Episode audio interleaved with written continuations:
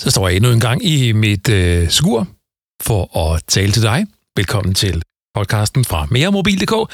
Jeg hedder John G. Jeg taler om teknologi på dansk.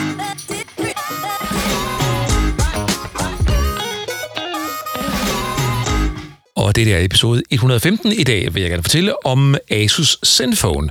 Nu tænker du måske, Asus det er ikke lige et navn, øh, du kender til måske så meget inden for telefoner, men der er rigtig god grund til indimellem at lægge mærke til telefoner fra netop Asus. For nogle gange kommer de med noget, som er anderledes end det, som rigtig mange af konkurrenterne går og laver. Og det kan jeg godt lide. Helt specifikt skal vi tale om Zenfone 9, en telefon, der går imod strømmen. Og det gør den, fordi at den er mindre end alle andre telefoner på markedet på Android-platformen. Jeg kører herefter det sædvanlige koncept med, at jeg har 5 minutter til at fortælle, hvad jeg synes om den her telefon, og de 5 minutter, de starter nu. Som nævnt, så er Asus Zenfone 9 en telefon, der går i modstrømmen. Det er nemlig en kompakt telefon, hvor der ikke er gået på kompromis med ydelsen og med funktionerne. Det er sådan, at Zenfone 9 den er fysisk mindre end langt de fleste konkurrenter, men den er stadigvæk udstyret med en uh, topmodelprocessor, som i ydelse faktisk sætter konkurrenterne til vægs, selvom telefonen den er mindre. Så det er altså stadigvæk en Snapdragon 8 series processor, jeg står med her, og den har til med fået to kameraobjektiver på henholdsvis 50 megapixels på hovedsensoren, og så en ultravidvinkelsensor med 12 megapixels. Der er det særlige ved øh, det her kamera, at der er kommet en ret god billedstabilisator i en stabilisator med hele seks akser. Og det, det betyder, det er, at når du går rundt og filmer med telefonen, så får du et roligt, det nærmest filmisk udtryk. Det er ikke første gang, at vi oplever telefonkameraer med øh, flydende videooptagelser, men øh, Asus gør det altså bare virkelig godt på det her punkt. Fotodelen er i sig selv ret god, men det er jo ikke en kamera-værktøjskasse på linje med den, vi finder i Samsung Galaxy S22 Ultra, at vi står med.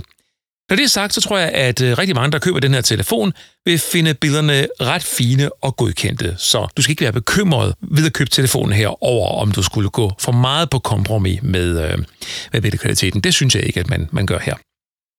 Der sidder en øh, fingeraftrykslæser på siden. Den er præcis og fungerer i øvrigt også som powerknap og som en multifunktionstast. Og her kommer et af de andre punkter, hvor Asus gør det anderledes end konkurrenterne. Ved for eksempel, at når du trækker fingeren ned over sensoren, så åbner notifikationsgardinet, og når du øh, dobbelt-tapper på siden, ja, så kan den øh, åbne en bestemt app. Det er faktisk en fed måde, synes jeg, at bruge en knap til at have flere funktioner på. Og desuden har jeg sat min Zenfone 9 op i testperioden til at tage et screenshot, når jeg dobbelt tapper på bagsiden. En funktion, som i øvrigt også kan aktiveres på samme måde på en iPhone. Men det er en helt anden historie.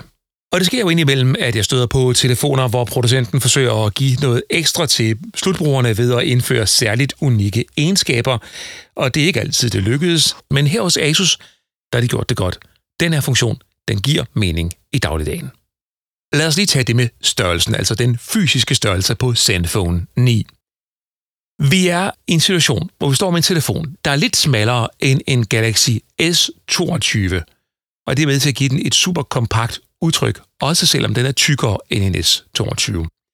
Vi er ikke helt nede i størrelsesniveau med en iPhone 13 mini i størrelse og vægt, mener jeg, men Asus er det bedste bud lige nu på en kompakt Android-telefon, hvis den altså også skal kunne noget sådan for alvor. Så det er en god ting, hvis man ikke gider have en telefon, der er mega, mega stor.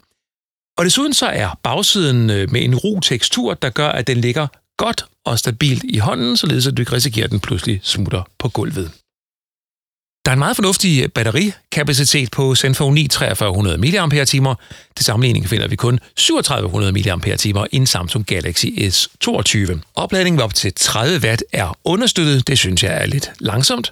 Det betyder, at du kan sende kapaciteten fra øh, cirka 1% til 45% på godt og vel en halv time, og det er langt under de hurtigste, som vi finder på markedet, der snilt lader sådan et batteri her på øh, 20 minutter, altså fra 1 til 100%.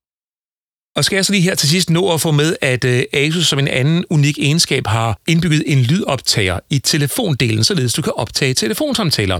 Og det er ret fedt lavet, fordi at lyden bliver splittet ad i henholdsvis venstre og højre kanal, så stemmerne er adskilt fra hinanden. Det tror jeg, der er mange journalister, der vil synes er en rigtig, rigtig fin idé. Asus de har deres egen brugerflade. Den hedder ZenUI 9 i det her tilfælde. Det er lagt oven på Android. Men det er ikke så øh, stridende i alle retninger, som det engang har været. Og det er ikke øh, så, så, hvad kan man sige, øh, østligt sprog et øh, udtryk, som alle kan forstå, som det tidligere har været. Udtrykket på brugerfladen er ret vestligt anlagt, og det kan jeg godt lide. Og så en ekstra bonus skal vi da lige huske at have med, nemlig at der er 3,5 mm jackstick på telefonen.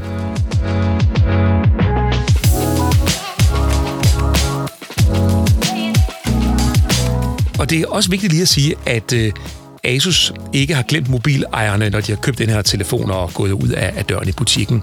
Der loves mindst to opdateringer af Android-platformen til øh, Zenfone 9, og de lover også minimums to års sikkerhedsopdateringer. Meget fornuftig telefon, som jeg klart kan anbefale dig at købe. 6 ud af 6 stjerner. Det er da ikke så tosset, var. Og så gik de 5 minutter.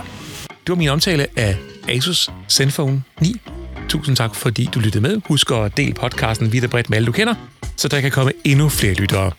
Husk at dele dem med dem, som godt kan lide at høre om teknologi på dansk. Mit navn er John G. Ha' det godt.